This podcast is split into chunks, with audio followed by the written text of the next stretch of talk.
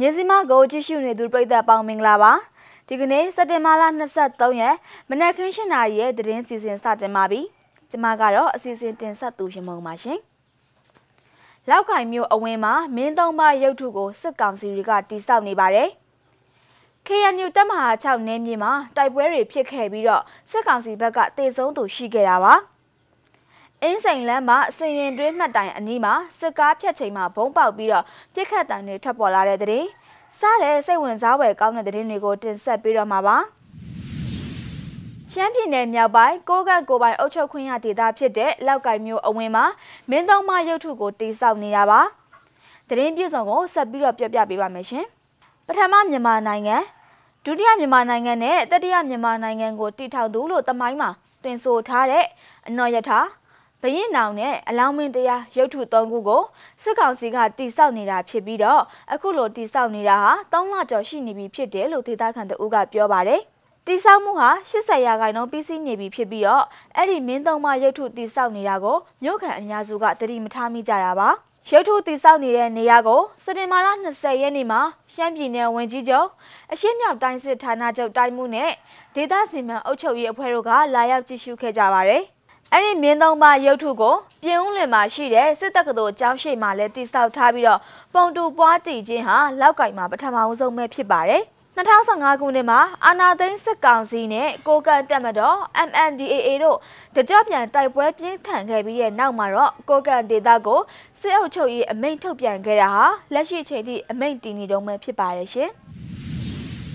အခုတော့ဒူးပလာခရိုင်ထဲမှာတိုက်ပွဲတွေဖြစ်ခဲ့လို့ စစ်ကောင်စီဘက်ကတေဆုံးသွားတဲ့သတင်းနဲ့ဆက်ချင်ပါတယ်။ KNU မျိုးသားအစည်းအရုံးတက်မဟာ6နယ်မြေဖြစ်တဲ့ဒူးပလာခရိုင်နုတကောမြို့နယ်ဝေါမာကျေးရွာအနီးတရားဦးမှာတိုက်ပွဲတွေဖြစ်ခဲ့လို့စစ်ကောင်စီဘက်ကတအူးတေဆုံးတယ်လို့သိခဲ့ရပါတယ်။မနေ့ကစက်တင်ဘာ22ရက်နေ့လယ်7:30နာရီမိနစ်30အချိန်မှာကရင်အမျိုးသားလွတ်မြောက်ရေးတပ်မတော် KNLA တရင်စက်ခွန်တက်ခွဲနှစ်နဲ့ စစ်ကောင်စီလက်အောက်ခံဗိုလ်မှူးအောင်နိုင်လင်းဦးဆောင်တဲ့ခမာရ43နှစ်တပ်ရင်းတို့တိုက်ပွဲဖြစ်ပွားခဲ့တာပါတိုက်ပွဲမဖြစ်ပွားခင်အချိန်ကစစ်အုပ်စုဘက်က KNU ထိန်းချုပ်နယ်မြေဖြစ်တဲ့ဖျားငုတ်တို့ကျေးရွာမှာအခြေချဖို့အတွက်နှစ်ကြိမ်တိုင်တိုင်တောင်းဆိုခဲ့ပေမဲ့ KNU ဘက်ကလက်မခံဘူးလို့သိရပါတယ်။အဲဒီအတွက်ကြောင့်အာနာသိန်းစစ်အုပ်စုက မနေ့ကအင်အား80လောက်နဲ့လက်နက်ပြည့်စုံယူလာပြီးတော့ဖျားငုတ်တို့ကိုမရောက်ခင်ဝေါမာကျေးရွာတရားဦးမှာကျွန်တော်တို့ဘက်ကတက်နဲ့ထိတ်တိုက်တိုက်ပွဲတွေဖြစ်ပွားခဲ့တယ်လို့ KNU ဘက်ကနုတကောမြို့နယ်တာဝန်ရှိသူတဦးကပြောကြားခဲ့တာပါ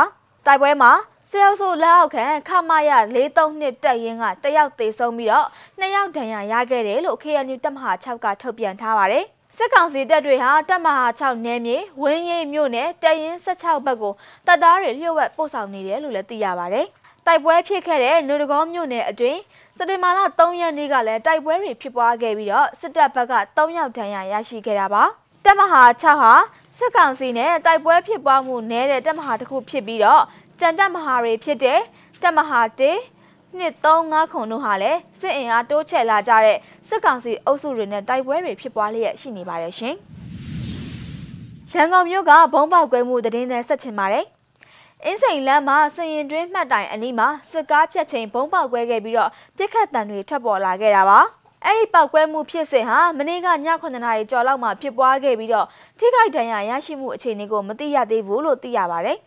စစ်ကားကအဲ့ဒီမှတ်တိုင်နားလောက်အရောက်မှာထပေါက်တာပေါက်တန်ကတော်တော်ကျဲတယ်ပေါက်ပေးသိမ့်မကြဘူးတနက်တန်တွေထွက်လာတယ်အတွဲလိုက်ပြလိုက်တဲ့အတန်ပဲလို့ကမာရွတ်မြို့နယ်မှာနေထိုင်သူတဦးကပြောခဲ့တာပါလက်ရှိချိန်မှာအင်းစိန်လမ်းမပေါ်မှာစစ်ကောင်စီတပ်ဖွဲ့ဝင်တွေရဲတွေမော်တော်ယာဉ်တွေနဲ့လှည့်လည်နေပြီးတော့တချို့မှာအိမ်စီးကားတွေကိုအသုံးပြုနေရတွေ့ရတယ်လို့ဒေသခံတွေကဆိုပါတယ်ရှင်နောက်ဆုံးသတင်းသပုတ်အနေနဲ့ KIA ထင်းချုပ်နယ်မြေအတွင်းမှာ COVID-19 ကူးစက်ရောဂါနဲ့ပတ်သက်ပြီးတော့ကာကွယ်ရေးလုပ်ငန်းတွေလှုပ်ဆောင်ထားမှုအခြေအနေတွေကိုလည်းရှုစားရအောင်ပါရှင်။